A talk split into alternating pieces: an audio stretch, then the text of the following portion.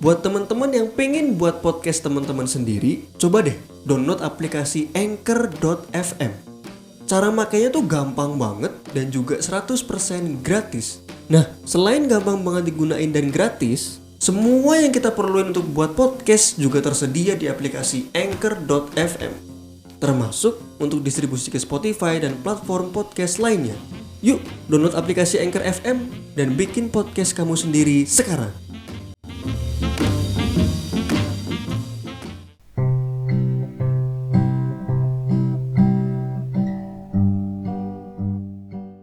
Alright, let's do this. Let's do the podcast. Halo semuanya. HI, hai. Teman-teman sedang mendengarkan FJ Podcast bersama FJ di sini. Hari ini tanggal 6 September 2022 waktu podcast ini direkam. Apa kabar kalian semua? Semoga mau di waktu apa pun kalian mendengarkan podcast ini, kalian dalam keadaan sehat nggak apa-apa nggak apa-apa stres sedikit soal kehidupan atau mungkin stres banyak.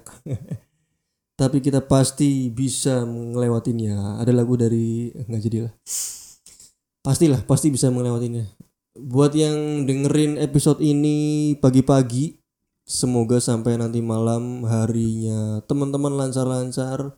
Buat yang dengerin siang hari semoga setengah hari sisanya lancar-lancar dan buat yang dengerin sore atau malam hari, semoga hari yang dilalui tadi, walaupun mungkin berat, bisa dapetin banyak uh, hikmah buat temen-temen. Jangan lupa untuk berterima kasih sama diri sendiri karena udah ngelewatin setiap hari dengan dengan apa ya tantangan yang berbeda aja. Oke, openingnya panjang banget ya. buat yang baru pertama kali dengerin uh, podcast ini selamat datang di podcast tidak jelas tidak jelas. Semoga betah ya teman-teman. Oke langsung aja. Kali ini aku mau membahas sebuah buku dari Matt Haig. Judulnya The Midnight Library. Buat teman-teman yang dengerin episode 30 podcast ini yang waktu aku bahas What if we could meet ourselves in another universe aku sempat menyinggung buku ini. Nah, kali ini kita akan bahas bukunya. Let's go.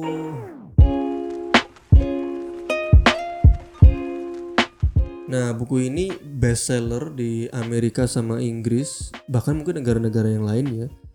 Top chart novelnya New York Times, The Guardian, Telegraph dan media-media terbaik dunia lainnya lah pokoknya lah buku ini aku beli di Google Play Books. Nominalnya berapa aku lupa ya teman-teman. Dan aku nggak tahu cara ngeliat di storynya itu gimana sih. Aku nggak tahu loh. Ya pokoknya ya standar lah kayaknya sih. Nggak nggak pas lagi diskon aku belinya. Pas pas biasa aja. Pas biasa aja tuh gimana ya? Pas pas nggak diskon lah. Apa sih ada eh, 308 halaman, lumayan banyak dibagi jadi banyak sekali subbab. Setiap subbab ada sekitar 10 sampai 15, ada yang lebih sih. Ya rata-rata 10 sampai 15-an halaman. Jadi kalau teman-teman baca bakal kerasa progresnya. Jadi nggak terlalu jauh antar subbabnya gitu. Tapi buku ini punya trigger bagi teman-teman yang punya pengalaman ya mungkin depresi atau pengen bunuh diri dan sejenisnya. Jadi eh, it's a choice tentunya. Kembali lagi ke teman-teman oke? Okay? untuk alur dari buku ini alurnya maju. Bercerita tentang ada seseorang bernama Nora Sid tapi sepanjang episode ini aku bakal manggil Nora itu dengan Noira aja deh atau Nyora. Kalau Nora tuh kayak gimana gitu si Nora. Nora kan bisa Nora. Mbak Nora.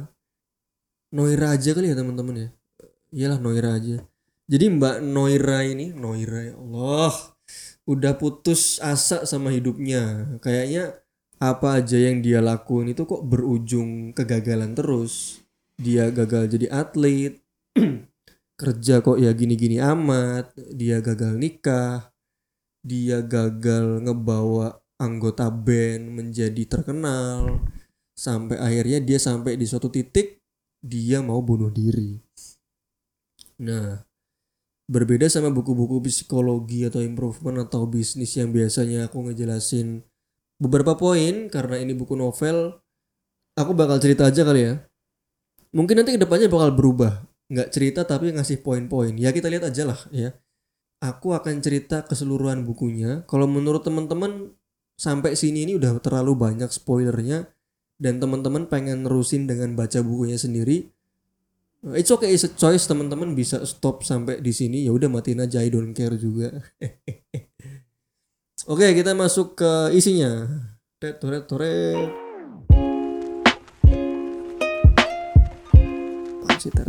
apa coba? Oke, jadi ceritanya Noira yang by the way dia ini punya masalah mental alias mental illness walaupun sebenarnya udah sembuh. Berarti sempat punya ya. Noira ini tinggal di Bedford. Noira ini tinggal di Bedford. Bedford itu utara London, dekatnya Cambridge. Nah, dia kerja di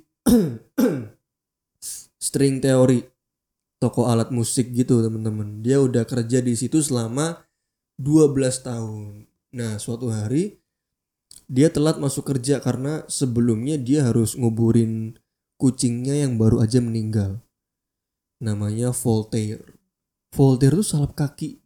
Yang itu bukan sih guys? Nggak tahu. Ada kayaknya. Apa sih mana bahas itu?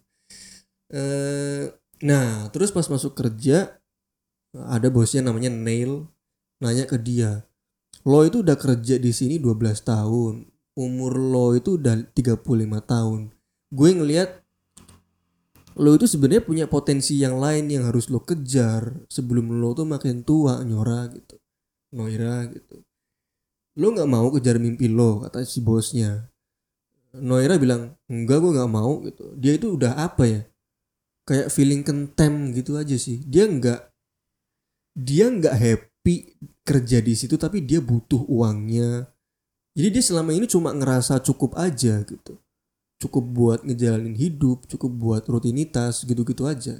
Dan ternyata setelah ngomong kayak gitu ternyata bosnya tuh mecat dia. Karena dia mau ngerombak tokonya dan dia nggak mau ngelihat muka Noira itu yang nggak pernah kelihatan semangat kerja gitu. Jadi dalam waktu dua hari itu banyak kejadian yang bikin dia depresi. Kemarin kucingnya meninggal, sekarang dipecat dari kerjaan, terus mulai tuh muncul memori-memori kan. Kalau orang depresi kan biasanya kayak gitu kan. E, muncul memori-memori cerita dia waktu kecil dia umur 14 tahun dia pernah nyeriusin menseriuskan menseriuskan bidang renang karena disuruh bapaknya disuruh ayahnya tapi nggak diterusin sama dia karena dia banyak overthinking ya gue takut sama fame gue takut badan gue yang kelihatan ketat ini masuk TV apa segala macam dilecehin gitu. Jadi dia banyak overthinking. Dia juga cerita dia akhirnya malah kuliah jurusan filsafat karena waktu itu dia suka sama salah satu filsuf namanya Henry David Thoreau. Tapi akhirnya malah end up-nya, endingnya malah dia kerja nggak jelas di string theory gitu. Dia pernah punya band juga tapi gagal ambil kesempatan buat ngebesarin bandnya dia punya murid les private piano tapi hari itu setelah dia dipecat itu dia dapat kabar bahwa muridnya itu yang namanya Leo muridnya cuma satu by the way teman-teman. Si Leo ini memutuskan untuk nggak les lagi karena sibuk kegiatan lain. Dia juga gagal nikah sama kekasihnya pacarnya namanya Dan. Semua tuh kayaknya di kehidupannya Noira tuh kegagalan aja gitu. Dia jadi atlet renang gagal musician gagal kuliah filsafat gak guna nggak berhasil jadi istri orang gak bisa travel ke mana-mana karena tuntutan pekerjaan. Dia juga sempet pengen jadi glaciologist tapi nggak kesampaian. Bahagia enggak. Jadi kayak noting aja dia banyak nyesel sama hidupnya. A lot of regrets. Bahkan dia ngurus kucingnya aja nggak bisa sampai meninggal kucingnya. Dia ngajar les aja nggak bisa sampai muridnya berhenti ngobrol sama orang aja nggak bisa. Dia juga cerita dia punya sahabat namanya Izzy. Not shy not me Izzy. Bukan bukan Izzy yang itu. Tapi Izzy temennya Noira ini dia hidup di Australia. Dia pengen nyusul Izzy tapi nggak bisa. Jadi dia pokoknya udah hopeless aja dengan uh, segala macam problematikanya dia. Dia hopeless dan dia memutuskan untuk ah fuck this life gue mau mati aja kata dia. Sebelum memutuskan untuk bunuh diri dia nulis di Facebooknya goodbye message. Terus dia setelah nulis itu dia ngecek sosial media yang lain Instagram Twitter dan lain sebagainya. Dan nggak ada yang peduli sama dia. Dan dia ngelihat anjir ini orang-orang pada sukses semua sementara gue ini apa ya the definition of failure. Kegagalan aja yang ada di kehidupan gue gitu. Oke okay, I think it's good time to die katanya dia gitu. Dia akhirnya overdosis obat antidepresan sama alkohol. Nah, terus dia bangun. Dia bangun, dia ada di sebuah ruangan gedung gitu. Dia lihat jam wah, jam 12 malam. Dan ruangan itu isinya buku-buku. Terus dia mikir, ini di mana gue anjir? Neraka bukan, surga bukan. Ini gue kenapa di perpustakaan? Gue kan harusnya kalau nggak di neraka ya di surga. Ini kenapa malah di per pus mana tengah malam nggak ada tengah nggak ada siapa-siapa nah ah ya sebelum sebelum lanjut teman-teman pernah main game limbo nggak? Atau game apa ya satu yang lain tuh? Aku lupa. Dulu pernah dimainin sama Reza Arab. Aku nonton walkthroughnya. Dia main limbo tuh habis itu main satu game lagi yang kayak limbo. Aku lupa ya namanya apa. Jadi si Noirasit ini kan dia bangun di perpustakaan kan. Nah perpustakaan ini kayak dunia limbo gitu. Jadi di antara dunia dan akhirat gitu.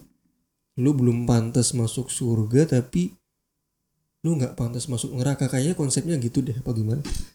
I don't know. Pokoknya antara dunia dan akhirat ada namanya limbo. Nah Noirasit ini lagi di dunia limbo gitu Nah di perpustakaan tengah malam ini di dunia limbo ini Noira ketemu sama Mrs. Elm penjaga perpusnya dulu waktu dia sekolah. Nah dulu Noira ini dia kutu buku jadi suka ngabisin waktu di perpus dan dia sering bertukar cerita sama Mrs. Elm di perpus.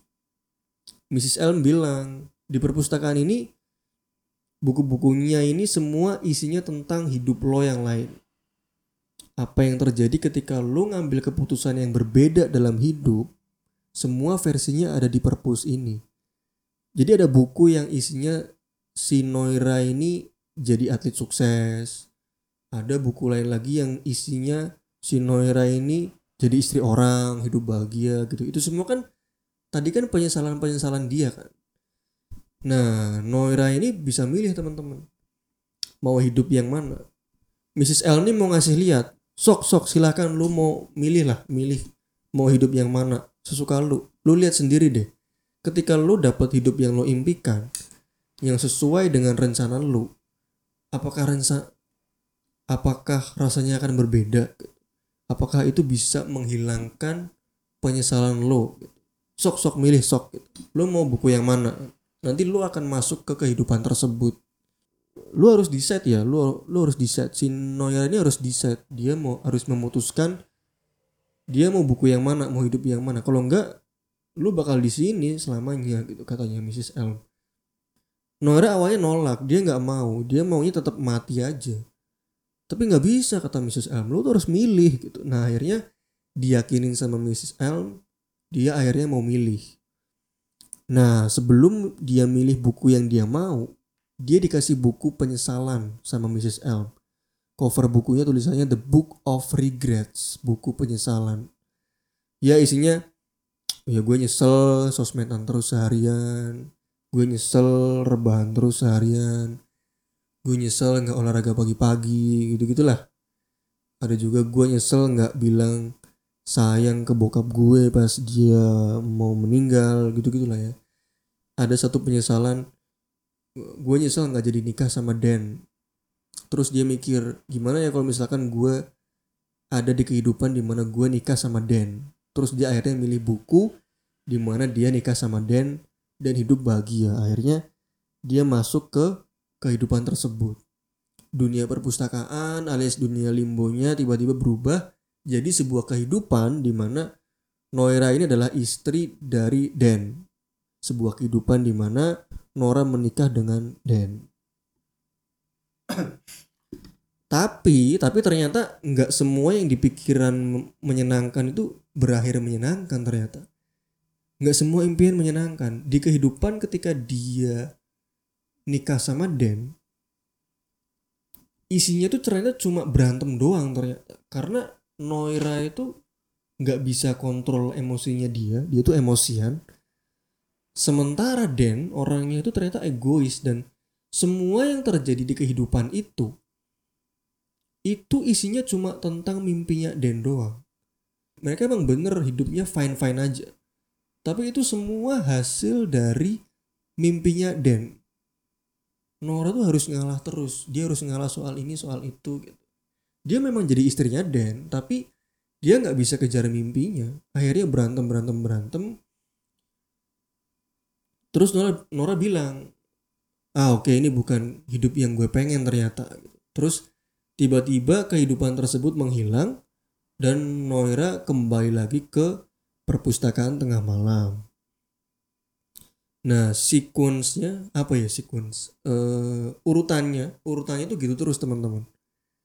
Dia milih kehidupan yang dia pengen, yang dia sesalin di kehidupan nyata karena dia nggak milih itu. Dia masuk ke kehidupan itu, ngejalanin kehidupan itu, tapi ternyata kehidupan itu nggak bikin bahagia juga gitu dia masuk ke kehidupan di mana dia di Australia. Kan tadi aku bilang Nora punya sahabat namanya Izzy. Tapi dia di Australia, dia pengen hidup bersama Izzy di Australia. Dia dapat nih kehidupan itu. Tapi ternyata Izzy di situ udah meninggal di kehidupan itu. Dia udah meninggal dan akhirnya Noira uh, melanjutkan hidup di Australia seorang diri tanpa sahabat dia cuma akhirnya dia cuma end up endingnya itu dia cuma kerja jadi tiketing di pelabuhan jual tiket kapal feri hidupnya cuma di kosan sama teman-temannya yang toxic ah ini bukan hidup yang gue pengen terus balik lagi ke perpusnya. Terus dia milih lagi buku tentang kehidupan di mana dia sukses jadi atlet renang sampai menang olimpiade dan itu ternyata juga nggak ngebuat Nora seneng ternyata kehidupan seorang atlet papan atas yang menang olimpiade dengan kesibukan apa segala macam dia harus datengin acara motivasi seminar talk show dia harus punya jadwal tiap hari latihan. Ternyata nggak cocok kalau dia yang asli itu ngejalanin kehidupan itu. Terus lagi dia masuk ke kehidupan di mana dia terkenal bahwa band yang dia pengen apa segala macam tapi ternyata fame itu, ketenaran itu malah bikin dia tertekan bla bla bla dan dia akhirnya kembali ke perpustakaan lagi. Ini banyak sih teman-teman versi ceritanya tapi kelamaan ya kalau tak ceritain semua. Ngantuk pasti kalian. Nah, titik balik soal dia dari pengen mati jadi sadar bahwa dia sebenarnya tuh nggak pengen mati adalah ketika dia masuk ke kehidupan di mana dia jadi glaciologist. Salah satu impian dia juga waktu itu lagi penelitian di Antartika dia ketemu beruang dan beruang itu nyerang dia dia ketakutan setengah mati sampai dia punya perasaan wah gue nggak mau mati gue nggak mau mati balikin gue ke perpustakaan sekarang juga gitu. akhirnya dia balik gitu. jadi sebenarnya dia tuh nggak pengen mati dia tuh cuma pengen kehidupan dia yang di dunia nyata itu berubah dia pengen realitanya tuh berubah di kehidupan nyatanya ya gitulah. Dia cobain semua buku yang ada di perpus itu sampai akhirnya dia nemu perfect life. Kehidupan yang sempurna menurut dia. Dia nikah dia sarjana dia punya anak dia hidup bahagia. Dia akhirnya ngerasain cinta dari anaknya. Ternyata berapapun uang ketenaran fame gitu ternyata masih kurang ketika nggak ada cinta gitu. Tapi di kehidupan yang perfect buat dia sekalipun ternyata nggak perfect juga buat orang lain. Jadi di kehidupan nyata dia kan tadi kan kerja di jadi karyawan kan teman-teman di string theory kan di Bedford. Dia juga ngeles privat piano kan. Dia punya murid namanya Leo tadi kan. Nah di kehidupan sempurnanya dia ini di buku yang dia pilih terakhir ini ternyata Leo tuh jadi berandalan jadi penjahat dan teman-teman satu bandnya pun juga jadi berandalan jadi penjahat kalau dia milih kehidupan ini muridnya alias Leo ini kan berarti kan nggak ketemu Nyora kan? Dia udah I don't know maybe ketemu orang-orang yang perfect menurut dia gitu. dia dia si Noira ini membuat decision making yang bagus sehingga dia nggak kerja di string teori nggak ngeles privat piano nggak ketemu sama Leo kan gitu dan akhirnya Leo nya jadi berandalan jadi penjahat. Dan teman-temannya tuh juga jadi berandalan jadi penjahat. Si Leo ini kan akhirnya jadi nggak punya kesibukan apa segala macem. Akhirnya dia jadilah berandalan gitu. Nah di situ Nora ngerasa lemes banget dan nyesel. Akhirnya ternyata ketika itu sempurna buat gue belum tentu itu bakal belum tentu sempurna juga buat orang lain. Intinya gitu. Bahkan dia mikir di situ ini kehidupan sempurna gue tapi ini kan bukan gue gitu. Ini cuma versi lain dari gue. Gue cuma nikmatin tapi ini bukan gue gitu. Akhirnya apa? Akhirnya dia balik lagi ke perpustakaan karena dia punya rasa penyesalan itu. Setiap dia mikir ah ini bukan hidup gue nih. Ah ini kok gini sih? Gitu. setiap dia mikir kayak gitu dia pasti balik lagi ke perpustakaan itu ke dunia limbo itu sampai akhirnya bukunya habis dia akhirnya mikir iya ya gue emang sebenarnya nggak pengen mati. Gue pengen tetap hidup tapi gue pengen kehidupan gue itu berubah gitu. Oke gue masih punya kesempatan gue harus manfaatin sebaik-baiknya. Udah akhirnya ketika dia sadar dengan itu dunia limbo dunia perpustakaan itu hilang dan dia kembali ke kehidupan nyata kehidupan asli dia. Jadi dia bangun dari mungkin sekaratnya dia ya terus dia akhirnya dirawat di rumah sakit. Dia jadinya tahu bahwa hidup itu ya floating nggak seneng terus. Bahkan kesenangan aja bisa bikin tertekan gitu. dia terkenal apa segala macam juara olimpiade ternyata nggak seneng seneng amat gitu. Ya udah dia akhirnya coba buat jadi diri dia yang baru. Dia memperbaiki hubungan sama temen-temennya jadi guru les yang baik apa segala macem gitu. Ya gitulah endingnya ya. Gitu guys teman-teman. Ternyata kehidupan yang paling bener tuh ya ternyata mungkin kehidupan yang sekarang ya. Mungkin kita bisa nyesel anjir gue dulu harusnya milih itu. Tapi ketika kita ada di kehidupan di mana kita milih itu apakah itu bakal bikin kita bahagia? Gimana endingnya? Gimana orang lain? Aduh. Emang bener ya Quran tuh bilang kamu tuh nggak akan bisa menghitung nikmat yang Tuhan berikan kepadamu gitu. manusia itu tidak mengerti apa yang Tuhan mengerti. Ya ada ada juga quote bagus kehidupan itu ya jalanin jangan banyak overthinking. Percaya aja bahwa yang ngatur kehidupan lo itu itu punya rencana yang bagus yang bahkan nggak lo sangka-sangka. Mungkin bakal nanti endingnya nggak lo sangka-sangka gitu. Anjir itu kayak di apaan sih dulu waktu aku baca itu tapi sekarang kayak setelah baca buku ini. Wah ya juga ya. Gitu. Berapa menit? 27 menit aku kira tuh bakal 35 38 ternyata cuma 27 ya. Jadi jangan lupa bersyukur ya guys ya dengan kehidupan ini. Mungkin mungkin realita tuh memang gitu uh, kayaknya memang, memang yang yang yang bisa diandelin itu memang diri sendiri sih. Yang bisa diandelin itu memang cuma diri sendiri. Jadi mau segimana teman-teman baca buku yang banyak tapi kalau nggak berubah ya sama aja. Ya udah udah udah udah, udah. terima kasih teman-teman yang udah dengerin episode kali ini membahas buku Mad Hack The Midnight Library. Kita akan ketemu lagi di episode selanjutnya bahas buku. Terima kasih sudah mendengarkan. FJ pamit. Bye bye BYE